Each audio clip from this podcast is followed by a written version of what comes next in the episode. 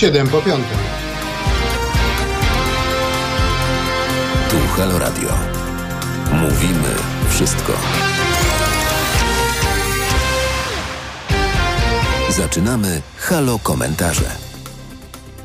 Jarosław Szczepański, dzień, dobry Państwu. Będę do 18.45 z Państwem, albo Państwo ze mną, jeżeli będziecie chcieli mm, słuchać e, naszych gości, gości programu.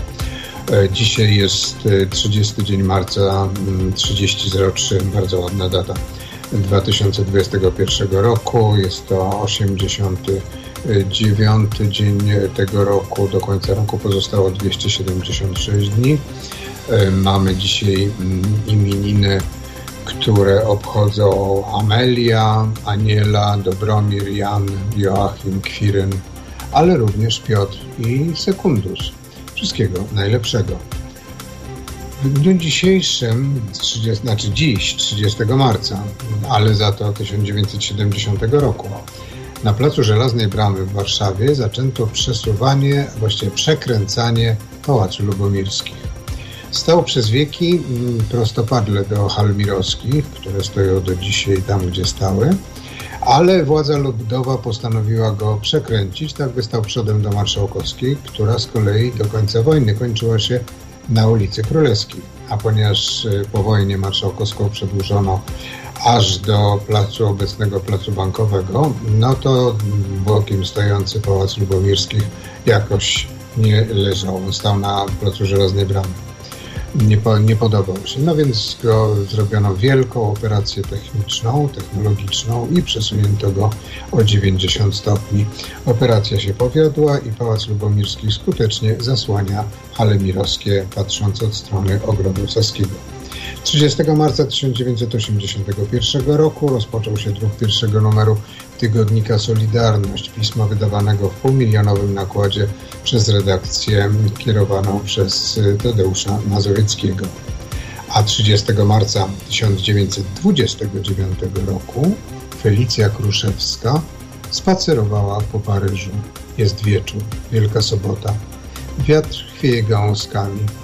Woda w sekwanie jest złota, przysypana tu i tam fiołkami. Fiolet się po niebie rozprysnął, obrzeżony różową mgłą i okrągłą, wypukłą łzą księżyc nad furtkami zawisnął. Gwiazdami, trójkątami, krzyżami elizejskie pola się palą. Po asfalcie szklanymi smugami światło płynie fala za falą. Plac zgody chyba oszalał. Winem gwiaździstym się opił, tysiąc ogni w niebie zatopił i fiołków pod topem się zalał. Całość wiersza przypomniała dziś pani profesor Izolda Kiec na Facebooku.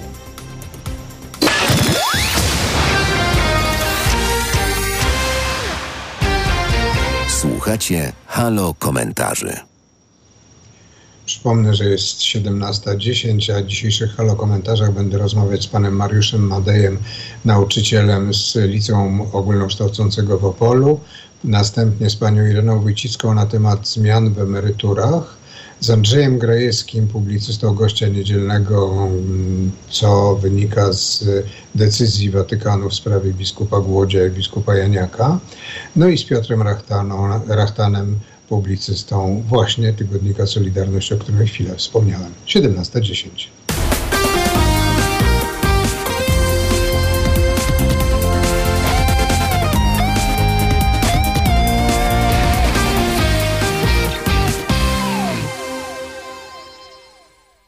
17.15 jesteśmy na YouTubie, na Facebooku, na Mixcloudzie, na naszej stronie internetowej, w aplikacji telefonicznej.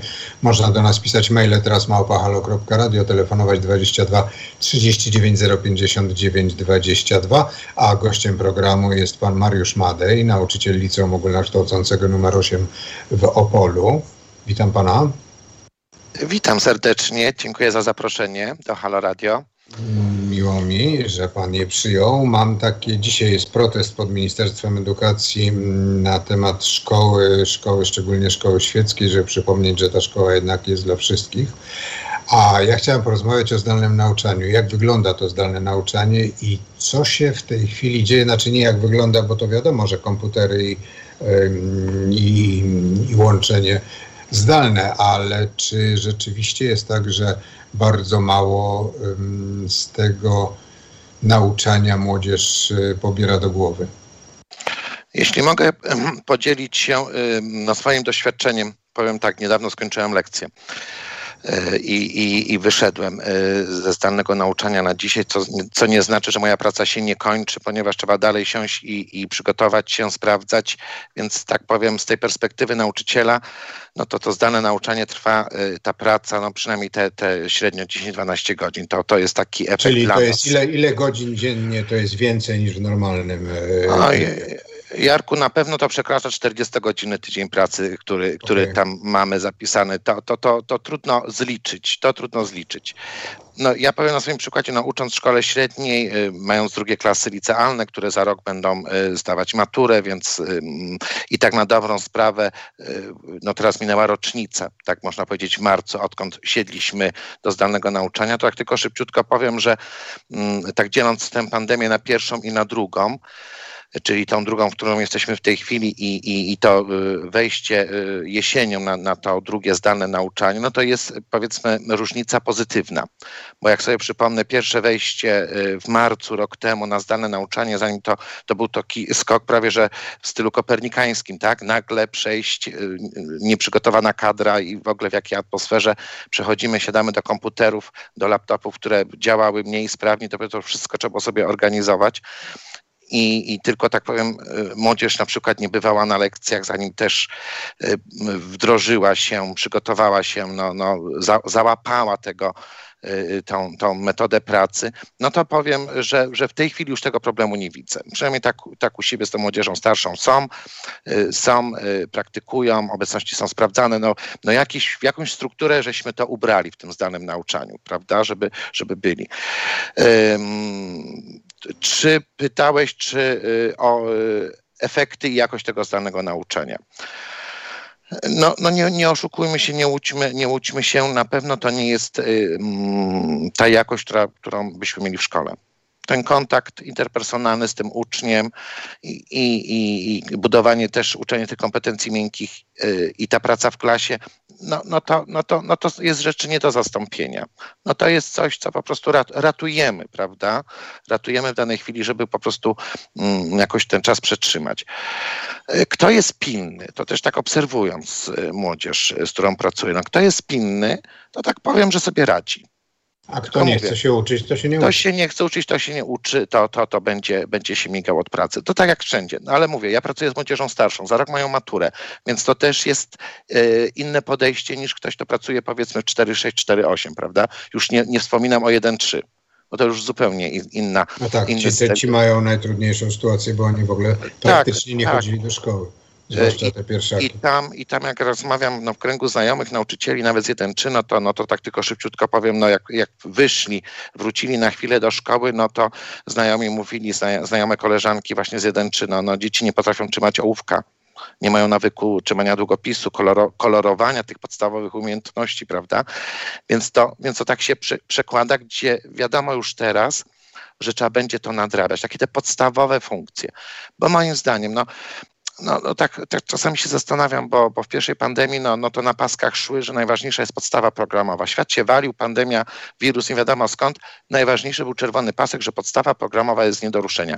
No nie wiedziałem, czy, czy to tak ma nas yy, dać nam jakieś takie utrzymanie nas w jakiejś takiej rzeczywistości, jako takie zahaczenie, czy to po prostu był odlot totalny.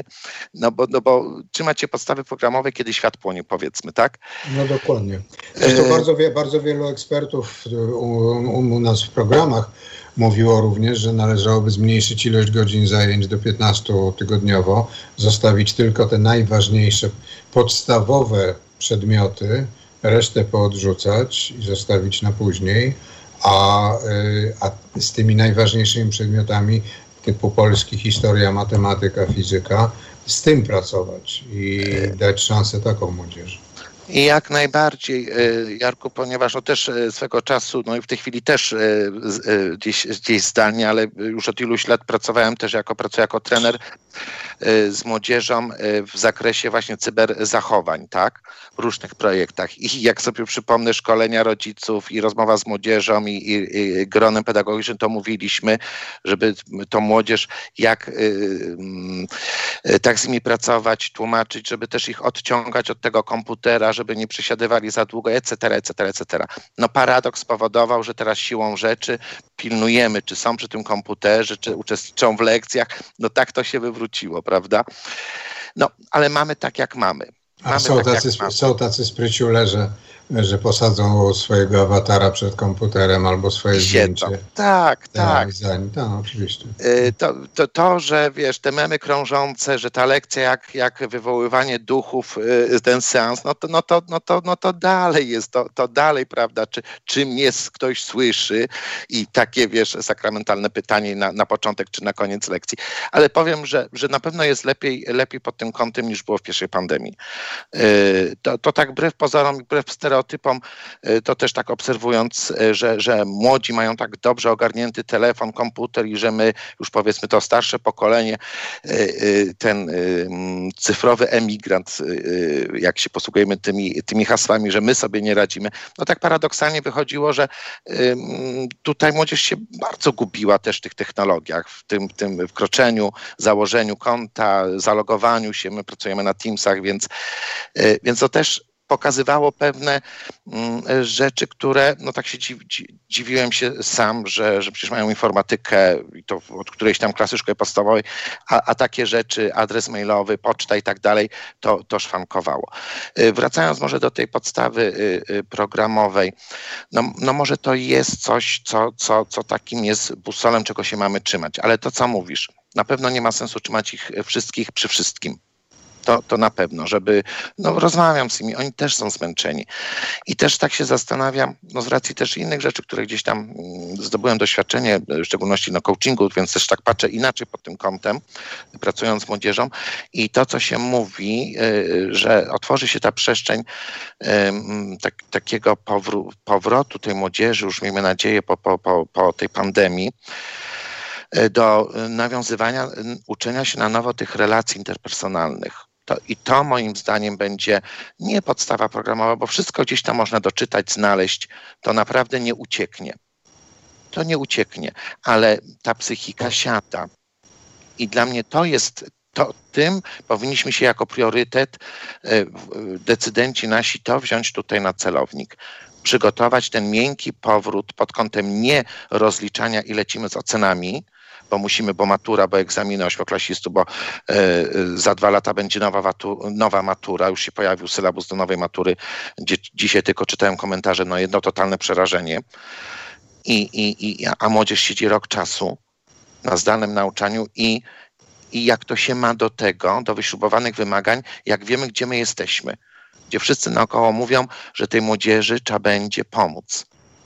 Czy nie powinno być tak, bo na przykład tydzień temu w programie mm, u nas w radio, jeden z gości programu powiedział mi, że należałoby pomyśleć i to szybko, żeby dołożyć wszystkim, całej młodzieży. Jeden, nie to, żeby ich zostawiać na drugi rok i powtarzać ten rok, tylko żeby dołożyć jeden rok nauczania, żeby oni dłużej byli w szkole o rok.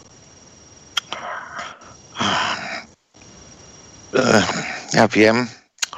Nie wiem, czy młodzież by tego chciała. Zacznijmy od tego. Czy młodzież by tego chciała? No tak, bo to jest przeniesienie tak. o tak, matury i później pójście na tak. studia o rok.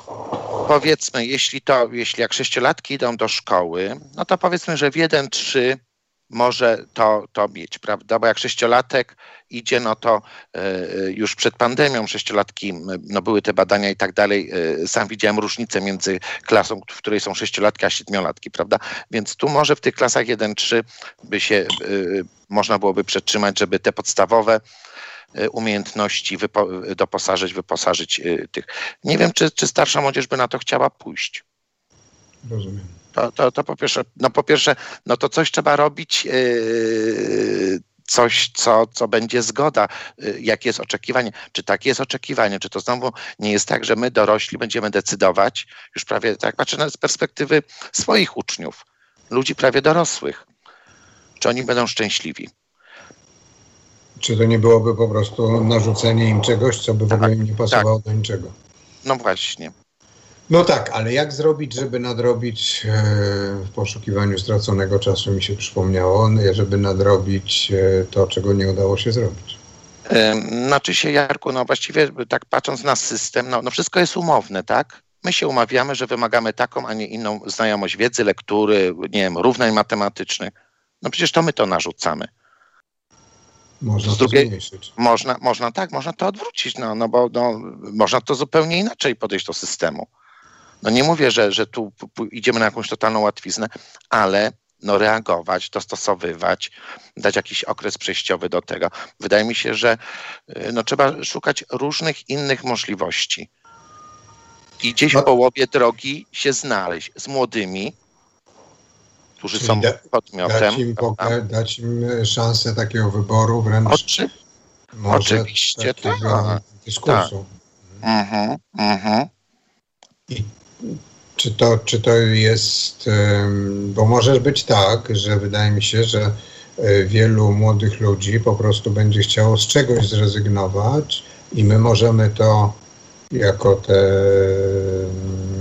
gronogogiczne, nazwijmy to, z czegoś zrezygnować też, coś zaakceptować, coś chcieli dorzucić, w czymś pomóc, tak? Tylko, że wtedy co robimy, jeżeli będą jakieś egzaminy na bazie tego, co do tej pory było. No to jest coś, tu się kupy nie trzyma.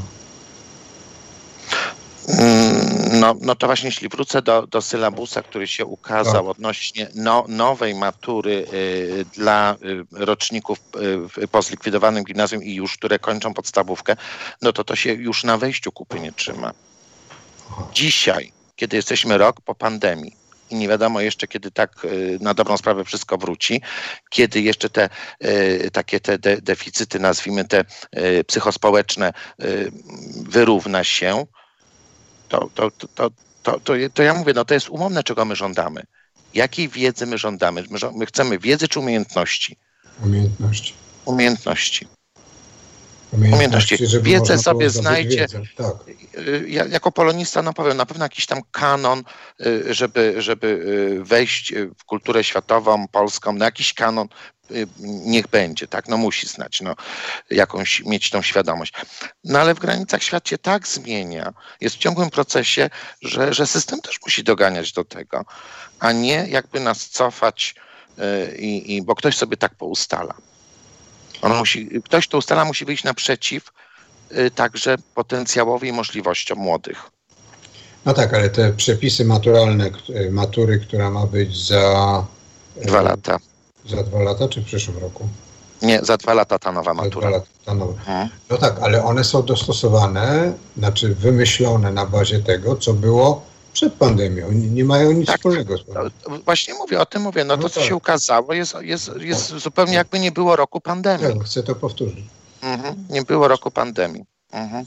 Czyli to jest w ogóle mm, alternatywny ciąg y, myślenia albo nie tak. myślenia, tylko wymagania od tak. y, ludzi, którzy żyją y, w innym świecie, i w świecie, w którym jesteśmy, w którym właściwie żyje cały świat, bo cały świat jest dotknięty. Cały świat żyje, z tym się boryka, zmaga, tak. Mhm. No to jest bardzo, bardzo ciekawe. Ciekawe będzie, jak to się uda rozwikłać, czy pan minister będzie nad tym dumał, czy nie, ale my lepiej, żebyśmy rozmawiali wcześniej o tym, uprzedzali i, no i pomagali młodym ludziom w jakimś dojściu do, do wiedzy, której potrzebują. Gościem programu był Mariusz Madej, nauczyciel liceum e, ogólnokształcącego w Opolu, liceum numer 8. Bardzo dziękuję za rozmowę, polecam się na przyszłość i życzę spokojnych świąt. Dziękuję ślicznie nawzajem. Jeszcze raz dziękuję za, za możliwość goszczenia w Waszym radiu. Dzięki śliczne, do widzenia. Pozdrawiam się, jest 17.30.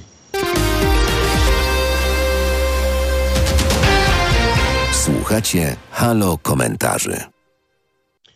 Jest 17.31. Przypomnę, że jesteśmy na YouTubie, na Facebooku, na Mixcloudzie, na naszej stronie internetowej, w aplikacji telefonicznej. Można do nas pisać maile teraz małpa halo.radio, telefonować 22 39 059 22, a gościem programu jest pani Iryna Wójcicka, ekspert, ekonomistka, ekspert e, zajmująca się również e, sprawami emerytur. Mm, witam panią bardzo serdecznie. E, dzień dobry, dzień dobry Państwu. Dzisiaj Główny Urząd Statystyczny ogłosił nową tablicę trwania życia Polaków. E, z tej tablicy wynika, znaczy po prostu ona została zmieniona na skutek e, no, tych zwiększonej o 70 tysięcy liczby osób, które umarły w zeszłym roku w związku z czym została zmniejszona, mm, obniżony właściwie ten y, czas życia mm, na emeryturze czy y, ludzi, którzy na tę emeryturę przychodzą. Y, co z, tego, co z tego może wyniknąć? Czy to wyniknie z tego, że wszyscy będą mieli zmniejszoną emeryturę, czy tylko ci, którzy będą na nią przechodzili w najbliższym czasie? Tylko jeszcze można, żeby powiedzieć precyzyjnie, to jest te 60 kilka tysięcy osób, które nie powinny umrzeć, to znaczy dotychczasowych trendów. To jest tak zwana nadumieralność, czyli zgony spowodowane bezpośrednio COVID-em lub też w związku z COVID-em. I ta, czyli to nie jest, oczywiście niestety śmierci jest znacznie więcej, ale to jest coś, co jakby tak dodatkowo, prawda, w sposób nadzwyczajny podniosło umieralność ludzi w starszym wieku. Dlaczego to no Właśnie? Mhm, tak. Słucham? Słucham, słucham, ja słucham. Bo e, wśród tych e, sześćdziesięciu kilku tysięcy osób, e, które, jak powiedziałam, nie powinny umrzeć, a jednak umarły, 90 kilka procent, jak podaje GUS, to są osoby w wieku 60 plus, czyli te osoby starsze, osoby, które albo już są na emeryturze, ale też i przechodzą na emeryturę w tym wieku właśnie.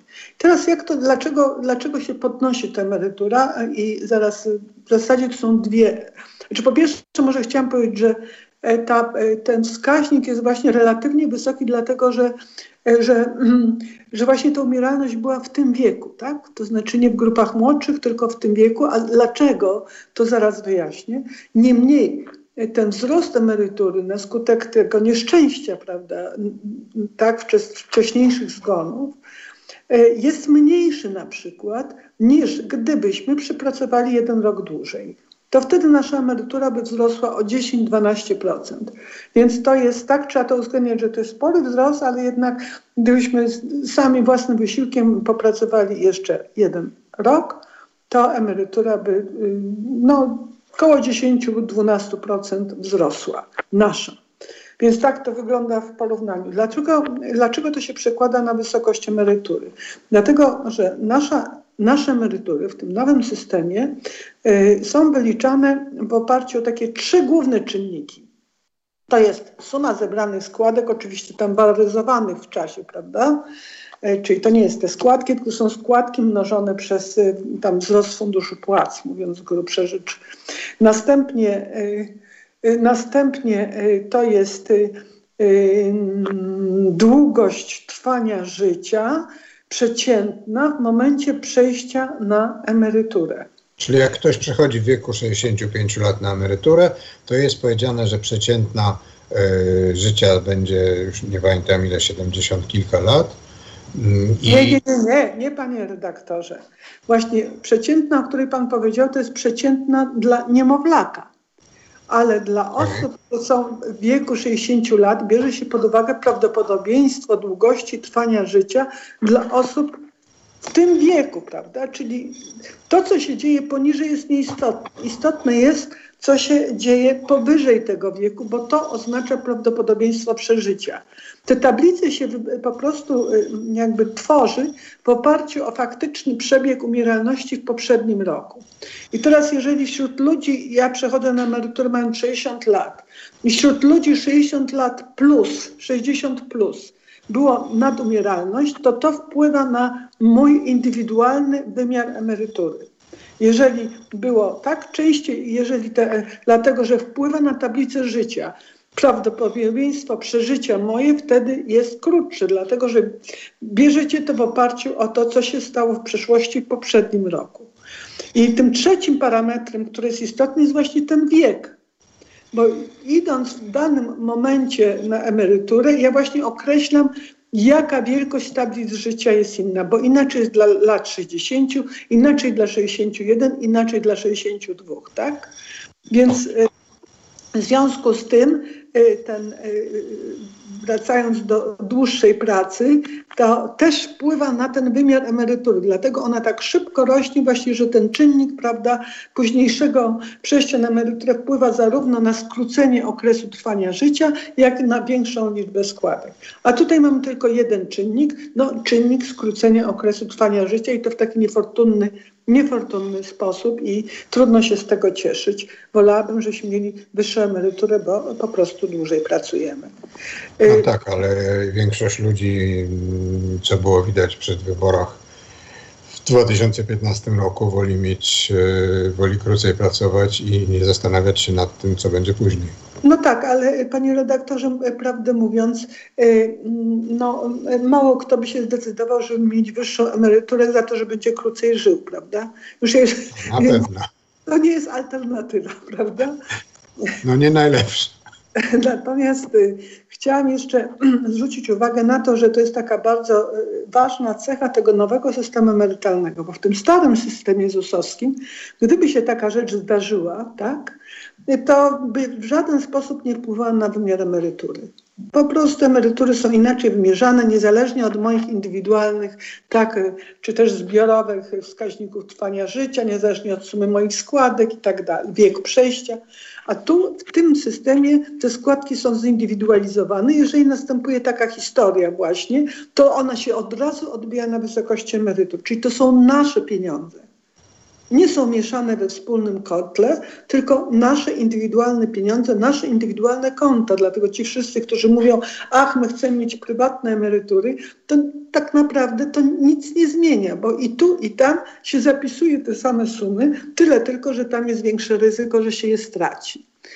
Więc, y, mm, bo ZUS y, nie zdarzyło mu się, żeby nie wypłacił emerytur. Więc warto pamiętać, że to jest szczególna cecha tego nowego systemu. Może się to podobać lub nie bo to jest oczywiście ograniczenie redystrybucji, czyli takiego przepływu środków między tak ubezpieczonymi. W zasadzie każdy ma zindywidualizowane e, tak swoje, że tak powiem, wszystkie parametry, czyli składki, wiek przejścia na emeryturę i, I przewidywany czas, czas pobierania tej emerytury. E, I, I tylko od tego zależy moja emerytura, prawda? Jeżeli jakiś parametr się zmienia, to wtedy indywidualnie wymierza się mnie inna emerytura według tych samych reguł. To jest bardzo ważne, bo można przy tym właśnie zauważyć, jak bardzo się to różni od takiego e, doświadczenia, którym mamy ze starym systemem, właśnie, że tam się wszystko mieszało w kotle.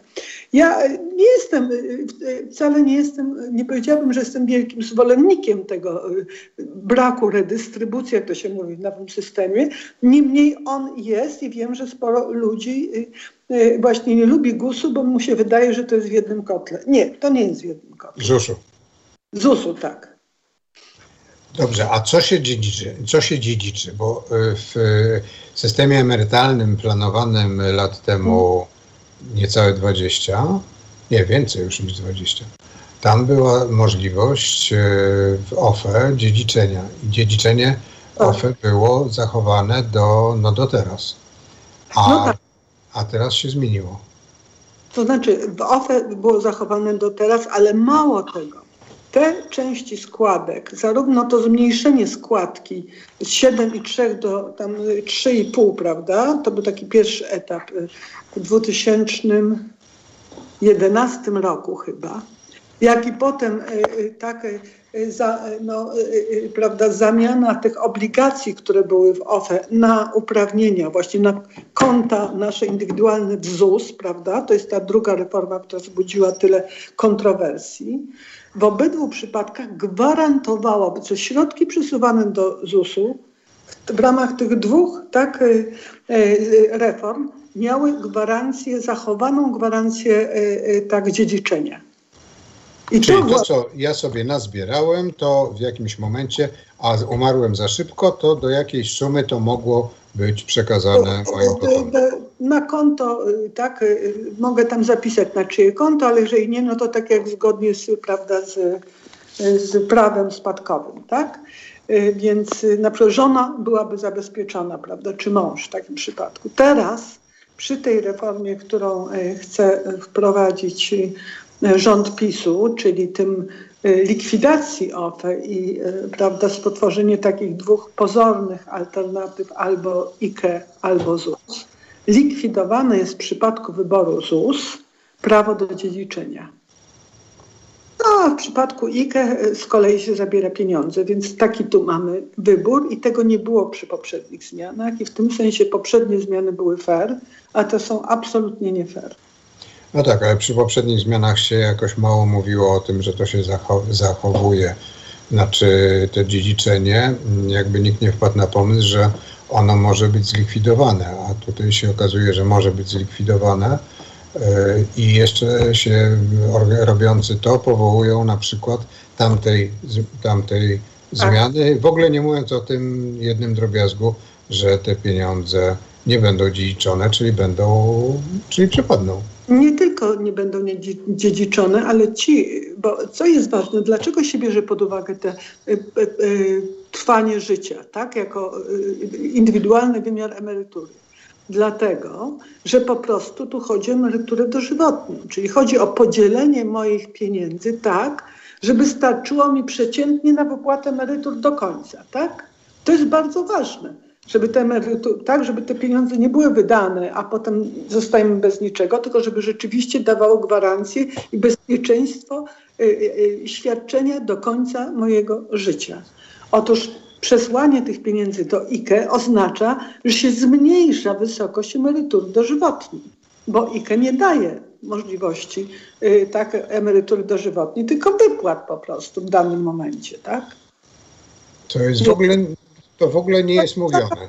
To jest zniszczone, czyli to jest taki kolejny krok niszczenia systemu emerytalnego po prostu. Y, ale to jest na zasadzie tej niszczone, że my sobie nie zdajemy sprawy z tego, że za 5-10 lat y, nagle się może okazać, że nie będzie tych pieniędzy na wypłatę emerytur. Nie, tego to bym się nie bała, e, bo w tym nowym systemie raz, e, e, raczej nie tyle nie będzie pieniędzy na wypłatę emerytur, to grozą nam bardzo niskie emerytury.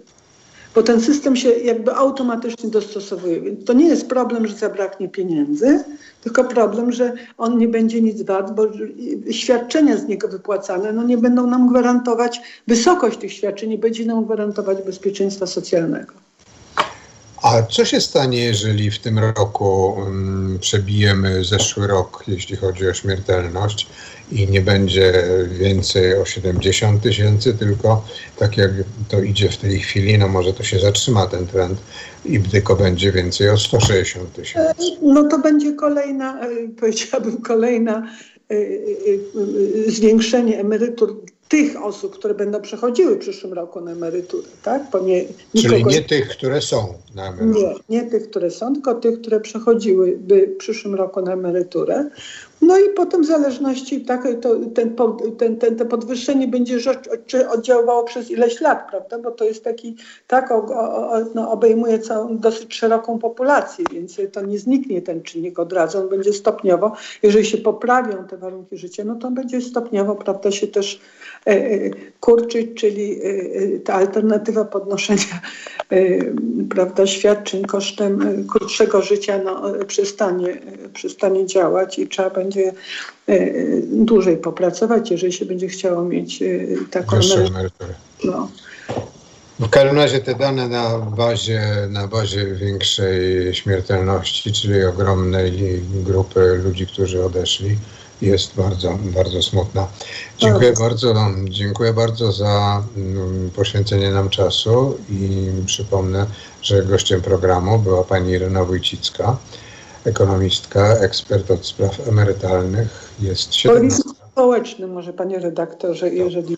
Polityki społecznej. Dziękuję bardzo, to brzmi zdecydowanie lepiej. Jest 17.46. Tu Halo Radio. Mówimy wszystko. 17.52. Jak powiedziałem dzisiaj w kartce z kalendarza, lat temu 40 y, zaczął się drukować pierwszy numer tygodnika Solidarność. Tygodnik Solidarność był pierwszym nieoficjalnym, niekomuni- ofi- znaczy pierwszym oficjalnym, niekomunistycznym ogólnopolskim pismem y, wydawanym przez wówczas niezależny samorządny związek zawodowy Solidarność, który powstał w sierpniu właściwie we wrześniu 1980 roku. Tygodnik powstał na mocy porozumień sierpniowych właśnie z 80 roku. Od początku pieczę nad redakcją sprawował Tadeusz Mazowiecki. Tygodnik miał pół miliona nakładu, był składany i drukowany w drukarni Ekspresu Wieczornego przy Nowogrodzkiej 84 w Warszawie. To jest to miejsce, w którym dziś mieści się siedziba Prawa i Sprawiedliwości. Tygodnik był jednym z najbardziej rozchwytywanych i poczytnych pism w 1981 roku. Wprawdzie podlegał oficjalnej cenzurze, ale drukowano go w taki sposób, by każda ingerencja władz była dla czytelników widoczna. W tygodniku pisali najbardziej znani publicyści i politycy opozycyjni. Poruszano najtrudniejsze i najbardziej niewygodne dla władzy komunistycznej tematy, szczególnie dotyczące życia społecznego, historii najnowszej czy sytuacji w życiu mm, społecznym. Na przykład y, zajmował się tygodnik więziennictwem, co, żeby było śmieszniej, później pomogło wielu internowanym czy więźniom, bo więźniowie kryminalni bardzo pomagali tym politycznym, no dlatego, że wyście się właśnie za nami ujęli. W tygodniku Solidarność funkcjonował bardzo duży dział listów. W ciągu 9 miesięcy istnienia i działania do redakcji dotarło około 10 tysięcy listów od czytelników.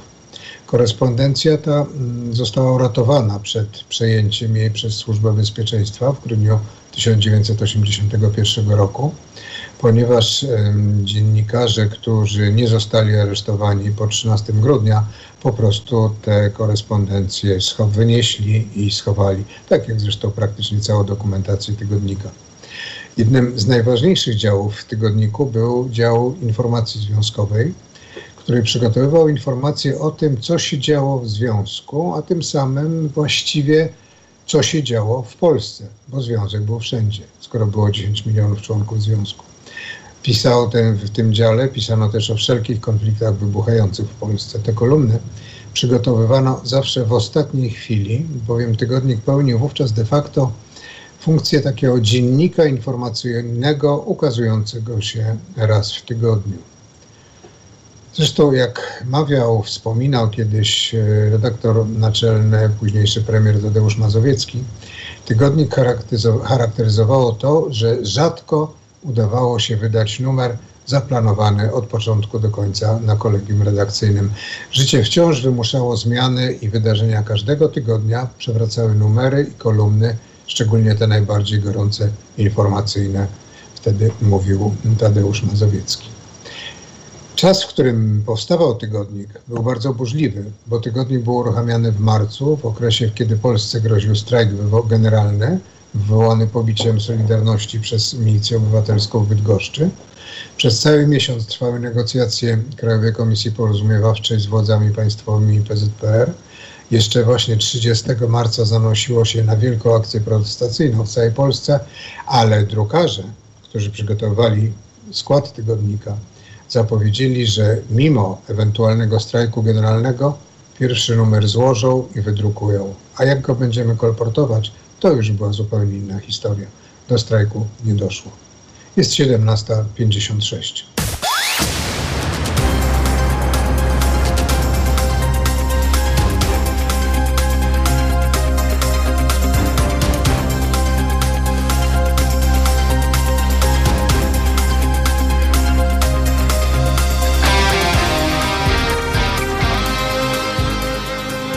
Pięć po szóstej.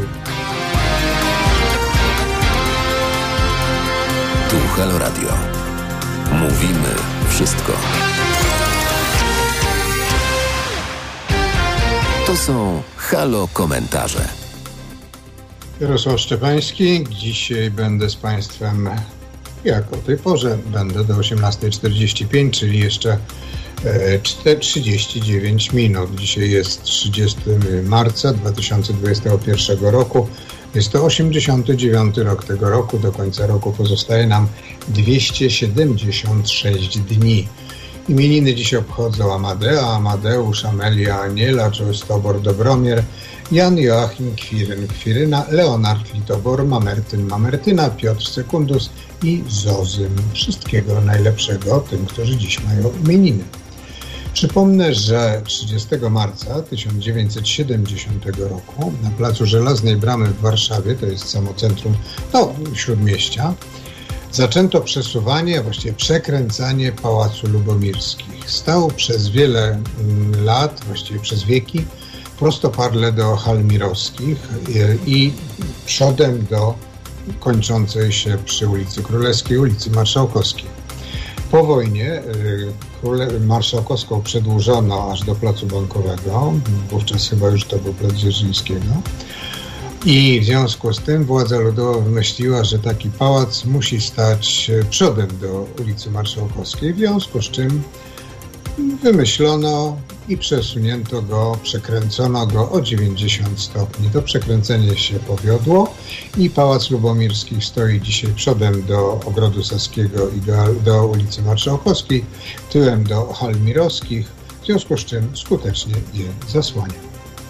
30 marca 1981 roku rozpoczął się druk pierwszego numeru tygodnika Solidarność, pisma wydawanego w półmilionowym nakładzie przez redakcję pod kierownictwem Tadeusza Mazowieckiego. A 30 marca 1929 roku Felicja Kruszewska, polska poetka, spacerowała po Paryżu.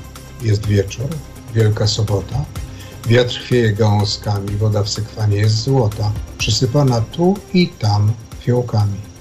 Fiolet się po niebie rozprysnął obrzeżnym różową mgłą, okrągłą, wypukłą łzą księżyc nad furtkami zawisnął, gwiazdami, trójkątami, krzyżami, elizejskie pola się palą. Po asfalcie szklanymi smugami światło płynie, fala za falą. Plac zgody chyba oszalał, winem gwiaździstym się opił, tysiąc ogni w niebie zatopił, i fiołków potopem się zalał. Całość wiersza przypomniała dziś pani profesor Izolda Kiec na Facebooku. Jest 18.09. To są halo komentarze. Za chwilę porozmawiam z publicystą gościa niedzielnego Andrzejem Grajewskim. Porozmawiamy o tym, co się wydarzyło i co z tego wynika czym jest, e, no szczególnie dla bohaterów decyzji watykańskiej, czyli biskupów Łodzia i Janiaka. E, porozmawiam później z Piotrem Rachtanem e, o, no właśnie, o piśmie, o którym wspominałem, czyli o tygodniku Solidarność. Jest 18.10.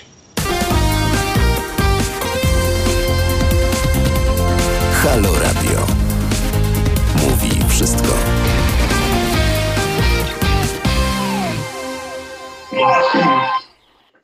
Jest 18.14. Przypomnę tylko, że zapraszamy do słuchania stałego naszych felietonistek i felietonistów. Dziś o 18.50, czyli zaraz po naszym programie, felieton profesora Tadeusza Bartosia. Dwie godziny później o 20.50 felieton Jacka Dibuła, a o 22.50 profesora Marcina Matczaka.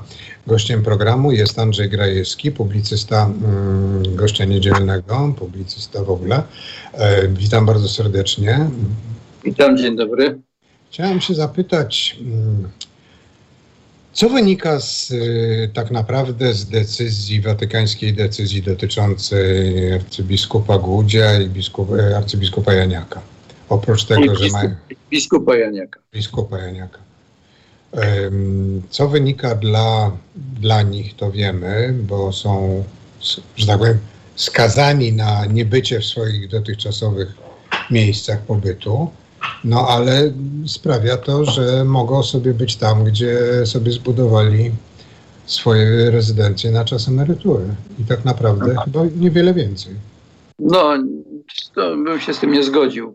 Znaczy, zacznijmy od początku. Liczę na to.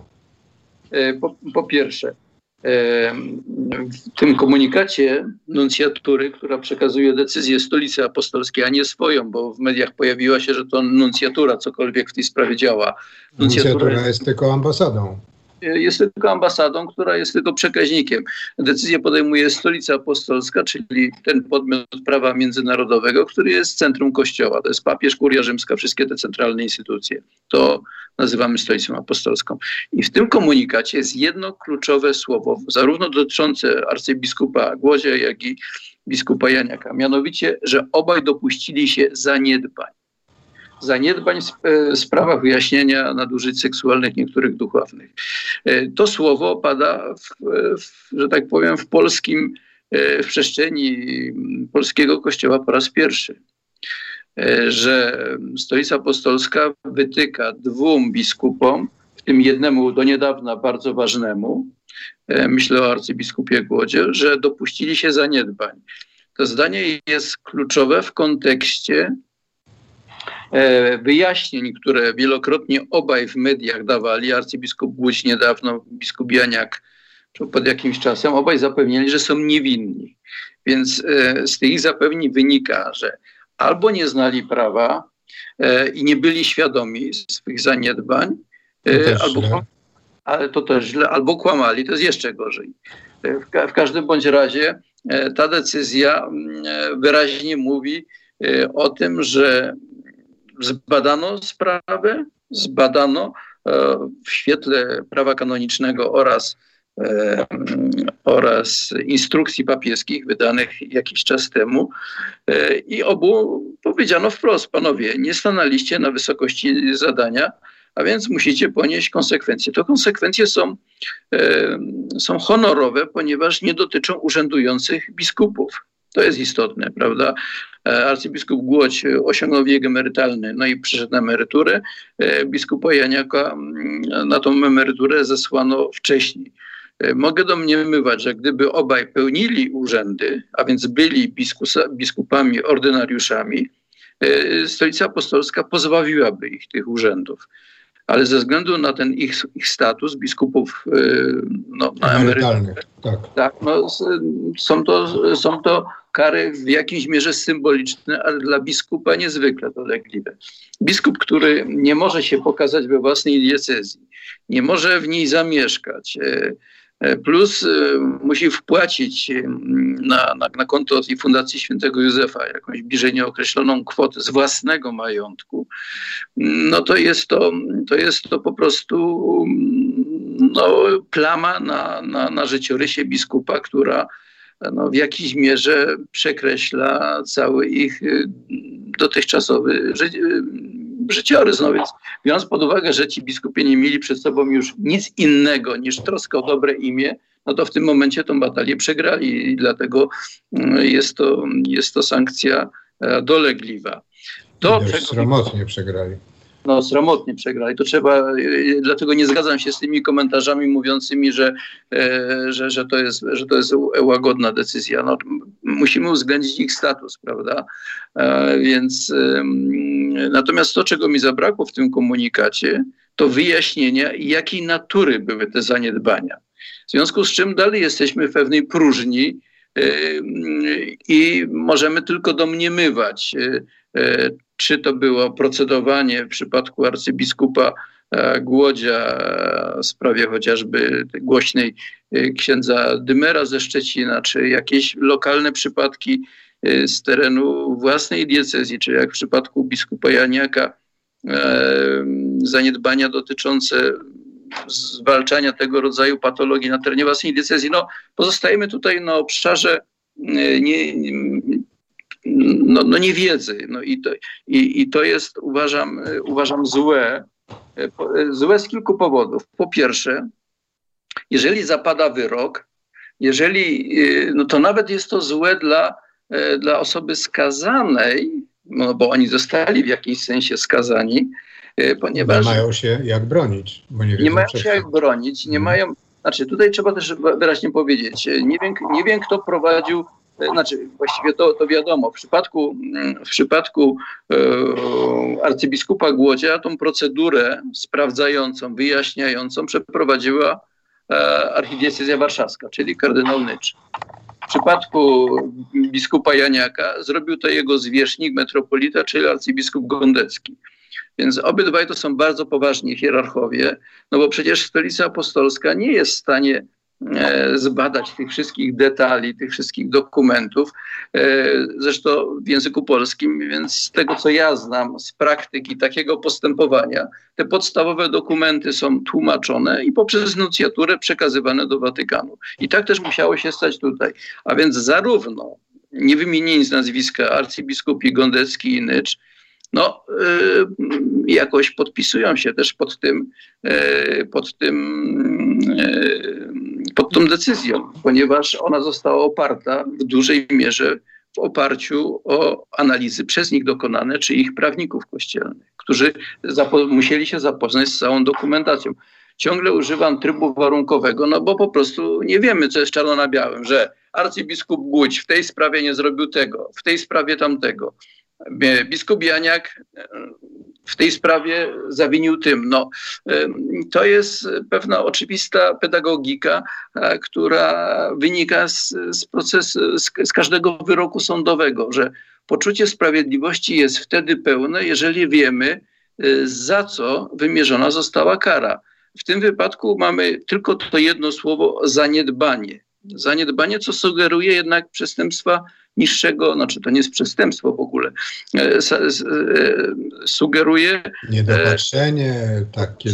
No jest, jest, to, jest to sformułowanie e, stosunkowo łagodne, no i też można się zastanawiać, czy to jest sformułowanie za łagodne, czy, czy kara powinna być większa. To jest niestety w tych sposobach komunikowania rzecz niedobra, co po raz pierwszy miało miejsce w, w sprawie decyzji dotyczącej E, umierającego kardynała Gulbinowicza, który też został skazany na pohańbienie straszne tą decyzją e, stolicy apostolskiej bez, e, bez wyjaśnienia czegokolwiek. Notabene na stronach włoskich, żeby było śmiesznie, Radia Watykańskiego, pokazały się zarzuty, których nie było na polskich stronach, mianowicie o współpracę z SB.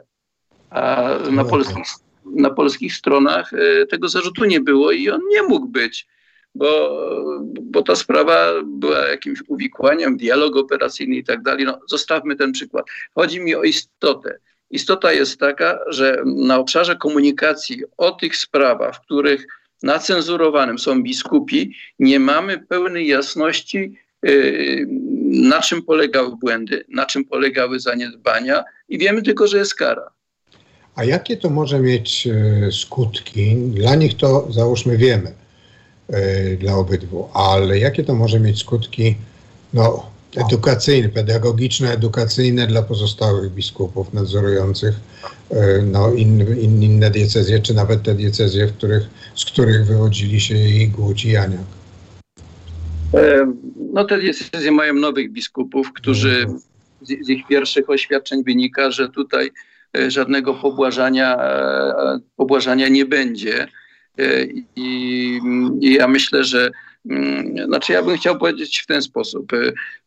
Ja wiem, że Kościół jest bardzo mocno nacenzurowanym, ale nie zawsze to była wina hierarchów, to były też nieprzejrzyste, nieprzejrzyste sformułowania w prawie kanonicznym. To były anachroniczne, nie, nieadekwatne do, do współczesnych czasów metody komunikowania się. Poza tym te metody też były niejednolite. Czasami wyrok był podawany, czasami nie był. W większości było to podyktowane troską wcale nie o, o dobre imię Kościoła, jak to częstokroć się próbuje mówić, tylko E, troską o dobre, e, e, o, o ochronę dobrego imienia osób pokrzywdzonych, bo nie każdy chce do mediów latać z tym, że był wykorzystywany, wykorzystywany przez księdza. Także no tu, tu wymaga jakby przemyślenia cały ten system, przede wszystkim reakcji, ta tak zwana tajemnica papieska, która też powodowała, że te dokumenty nie mogły być E, nie mogły być odpowiednio szybko procedowane. Krótko mówiąc, e, Kościół ma do rozwiązania gigantyczny problem na kilku poziomach, który zarówno ma charakter prawny, medialny, jak i również e, świadomościowy, prawda, że, że tutaj czas tolerancji dla, dla tego rodzaju działań się skończył, że, że, że nie może być mowa o upadku, tylko że po prostu ktoś jak dotknie jakiegoś, jakiegoś dziecka, powinien zostać po prostu bezwzględnie wyrzucony i, i, i ukarany tak jak każdy inny człowiek. Tu, tu nie ma... Tu, tu, tu, tu nie ma mowy, on się może nawrócić, on może przeżyć pokutę, ale nie może być kapłanem. Ktoś, kto dotknie, e, dotknie dziecka, nie może da, e, e, w sposób, e, sposób erotyczny, w sposób e, e, dwuznaczny, nie może być kapłanem, nie może być osobą publicznego zaufania. To dotyczy oczywiście również wszystkich innych zawodów, ale kapłana no tak. szczególnie. No tak, bo to jest więcej niż nauczyciel, to jest jeszcze wychowawca i i tak. osoba zaufania publicznego. No więc właśnie. A teraz, a teraz wracam do Pana pytania, co to będzie oznaczało dla, dla innych biskupów. No, no ja myślę, że to, że to jest jednak e, ważna lekcja, e, że, że po prostu e, żaden z biskupów nie będzie dzisiaj E, jak sądzę, powtarzał tych błędów, zwłaszcza, że nie tylko działają młyny watykańskie, które wolno, bo wolno, ale jednak mielą tą, tą rzeczywistość dobra i zła w kościele i w świecie, to jeszcze działają instytucje państwowe. No jednak też trzeba zauważyć w tym kontekście, że Komisja Państwowa do Spraw Pedofilii powołana przez ten parlament jednak zgłosiła wniosek do prokuratury o, o rozpatrzenie sprawy czterech, czterech biskupów, Rakoczego, Pindla, Gregera, to są z diecezji bielsko-żywieckiej oraz Dziwisza kardynała. Więc no, ja myślę, że, że ta komisja nie robiłaby nic na pokaz, więc jeżeli zdecydowała się na taki krok, no to po prostu to po prostu musiała być bardzo twarda materia. No, Trzeba, są propozycje zmian w prawie karnym, żeby te sprawy się nie przedawniały. Na to trzeba spojrzeć kompleksowo i oczywiście nie wyłącznie pod kątem e, pod kątem tych przypadków w kościele, bo jakby one nie no były, tak. Mhm. one stanowią jednak minimalny procent i e, czy ułamek, promil tego, tego wszystkiego, co się dzieje. O, o nich w dużej mierze mówimy, natomiast, natomiast pozostaje generalnie do przemyślenia system ochrony e, dzieci system ochrony dzieci. Ja dzisiaj czytałem e, informację e, z Komendy Głównej, że w, tylko w tamtym roku odnotowano co najmniej 4, blisko 4 tysiące przypadków molestowania seksualnego czy wykorzystywania seksualnego nieletnich. Zgłoszonych, zakładając, zgłoszonych czy, czy takich, do których żeśmy doszli. Do, do których żeśmy doszli, zakładając, że, e, że, że, że to dalece nie jest wszystko, no to to jest to potężny Y, potężny obszar, który powinien być przedmiotem wspólnej troski państwa, kościoła, e, ponad podziałami wszystkich y, ludzi tu działających, że po prostu to jest proceder, gdzie nie może być zmiłuj się po prostu. Jestem absolutnie za tym. I ostatnie takie pytanie, czy to może być, e, czy to Tomasz Terlikowski, bracia Sekielscy i, i Smarzowski, twórca filmu Klert, czy to mogą uważać za no, pewnego rodzaju swój wielki, znaczy wielki kamień, który dorzucili do tego, żeby jednak to wyszło na jaw? No to ja bym tutaj dorzucił nazwiska e, Zbyszka Nosowskiego, który to robi w moim przekonaniu najbardziej profesjonalnie najbardziej profesjonalnie, najbardziej metodycznie i on to robi od środka, od wewnątrz kościoła. E, jeśli chodzi o, e, o, o Smarzowskiego, no to film akurat tego zjawiska nie dotyczył głównie. Tak.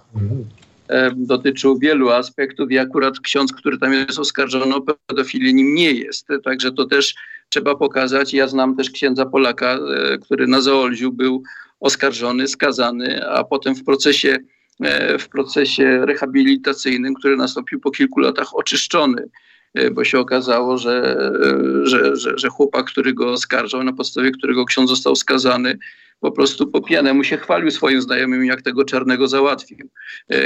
Ktoś, ktoś to nagrał, no i, i, sprawa się odkręciła, więc, więc tu... No dobrze chociaż. No, więc, więc w tej sprawie y, trzeba oczywiście ogromnej też, też ostrożności no i, no i przede wszystkim, bo my ciągle tu mówimy o tych, którzy zaniedbali po stronie, po stronie Kościoła, bezpośrednich sprawców, jak Nie ma... Winni są po obu stronach. Winni są i po stronie Kościoła, i po stronie e, tych, którzy, mm, szczególnie rodziców, którzy na to nie przymykali oczy albo nie wierzyli dzieciom. Taka jest rzeczywistość. Przypomnę tylko, że Zbigniew Nosowski, o którym mówił przed chwilą Andrzej Grajewski, to jest redaktor naczelny więzi, bardzo zacny publicysta. No bardzo dziękuję. Jest postawami, postawami e, mi najbliższa e, potrzeba konsekwencji, potrzeba jawności, potrzeba Gościem programu był Andrzej Grajewski. Bardzo dziękuję za poświęcony czas i za rozmowę z nami. Jest 18.31.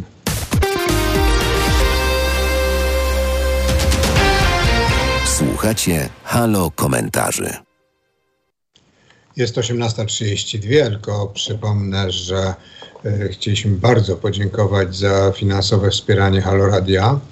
Y, szczególnie y, pani Hannie ze Świebodzic, pani Elizie z Mielca, panu Wojciechowi z Lublina, pani Sylwii z Gdańska, panu Ziemowitowi z Piotrkowa Trybunalskiego, panu Andrzejowi ze Skawiny, panu Leszkowi ze Staszowa, panu Jackowi z Warszawy, pani Ewie z Oleśnicy i pani Alinie z Olsztyna. Dziękujemy za wspieranie wolnych mediów. Y, wolność w mediach jest bardzo ważna, a nie ma wolności bez nie tyle y, Solidarności, co bez y, niestety bez finansowego wsparcia i za to wsparcie bardzo dziękujemy i prosimy o więcej bo bez tego Halo Radio nie będzie mogło funkcjonować. Przypomnę, że jesteśmy na YouTubie, na Facebooku, na Mixcloudzie, na naszej stronie internetowej, że można do nas telefonować, pisać maile, teraz małpahalo.radio. E, gościem programu jest Piotr Rachtan, publicysta i dziennikarz. Jesteś Piotrze? Jestem, jestem. Dzień dobry. Bardzo serdecznie witam. E, mówiłem o tym, że e, dziś jest 40. rocznica e, mm, oddania do druku i wydrukowania pierwszego numeru tygodnika Solidarność, czyli pisma kierowanego przez Tadeusza Mazowieckiego w 1981 roku, przez redakcję, w której mm, obaj byliśmy. Natomiast bardzo chcę zwrócić uwagę na to, bo mm, zwróciłem uwagę na Facebooku, że mhm. wszyscy, którzy mm, komentują mm, to, co tam napisaliśmy, zamieściliśmy, informacje o seminarium, które robimy z okazji 40-lecia, to wydania tamtego numeru, że ludzie po prostu łączą ty, ty, tygodnik Solidarność, to jest tygodnik Solidarność, wychodzi o 40 lat z przerwą między 80, 13 e, grudnia 81, a końcem maja 89. A to, że w 89 roku ten tygodnik w październiku przestał być tygodnikiem y, ludzi starego zespołu, a stał się tygodnikiem Jarosława Kaczyńskiego, no to jakoś tego nikt nie zauważa i pretensje y, dotyczące Piotra Dudy i jego zachowań kierowane są pod naszym adresem. My ich nie przyjmujemy. Przepraszam za tyradę zamiast krótkiego pytania, ale takie mam wrażenie, mam takie wnioski po wczytywaniu się w komentarze na Facebooku. Piotrze, czym to się charakteryzowało? Dlaczego tamto było czymś zupełnie innym od wszystkiego innego, co było? Zacytuję może jeszcze, jeszcze jedno, że Kazimierz Dziewanowski powiedział przy w momencie, kiedy pierwszy numer zszedł z maszyn drukarskich, że to jest pierwsze takie pismo między Łabą a Władywostokiem, czyli między granicą układu y, warszawskiego na zachodzie i na wschodzie. Piotra? Ten. E, słuchaj, no, to jest dość proste. E, kiedy się przejrzy, przeczyta, a nawet przejrzy właściwie te numery archiwalne sprzed 1982 roku, czyli te 37 numerów, które zdołaliśmy wydać, to z nich jasno wi widać, że to było pismo, które służyło myśleniu e, o Polsce, o całej Polsce. A I szukaniu porozumienia. Prawa do prawa, od przodu do tyłu, e, od e, historii po przyszłość. Natomiast y, to, co się stało w 1989 roku, no to Mówimy o październiku. jest zaprze... Słucham? Mówimy o październiku, czyli przejęciu pisma przez Jarosława Kaczyńskiego. Tak, tak, tak, tak. Mówię to, co się stało w 1989 roku jesienią. E, no to jest zaprzeczenie tego, odcięcie się od e, właśnie tego ducha, e, którym przysiągnięte było tamto pismo nasze i przekształcenie tego w organ najpierw właściwie wąskiej grupy, a potem w organ partyjny. I jest to pismo, które naprawdę nie, nie poświęca, nie wiem jak wiele, ale w każdym razie bardzo niewiele myśleniu o, o interesie Polski, o racji stanu, o o tym, że Polska, Polskę zaludniają bardzo różni ludzie, bardzo różne grupy, że myślimy różnie, że jesteśmy odmienni i nie wszyscy wyznajemy te same wartości. Więc to jest taka różnica. Tamto pismo, nawet jeżeli się odwijało i to w miarę w każdym razie możliwości cenzuralnych, odwijało się władzy, to, to robiło to w taki sposób, żeby nikogo nie krzywdzić. No i myślę, że o tym trzeba mówić dzisiaj, ale też nie za dużo, bo to to, co, to, co jest dzisiaj w piśmie, w tygodniku, który się też nazywa Solidarność, to nie jest, to znaczy ja się z tym w ogóle nie identyfikuję i po prostu mnie to przestało interesować już dawno.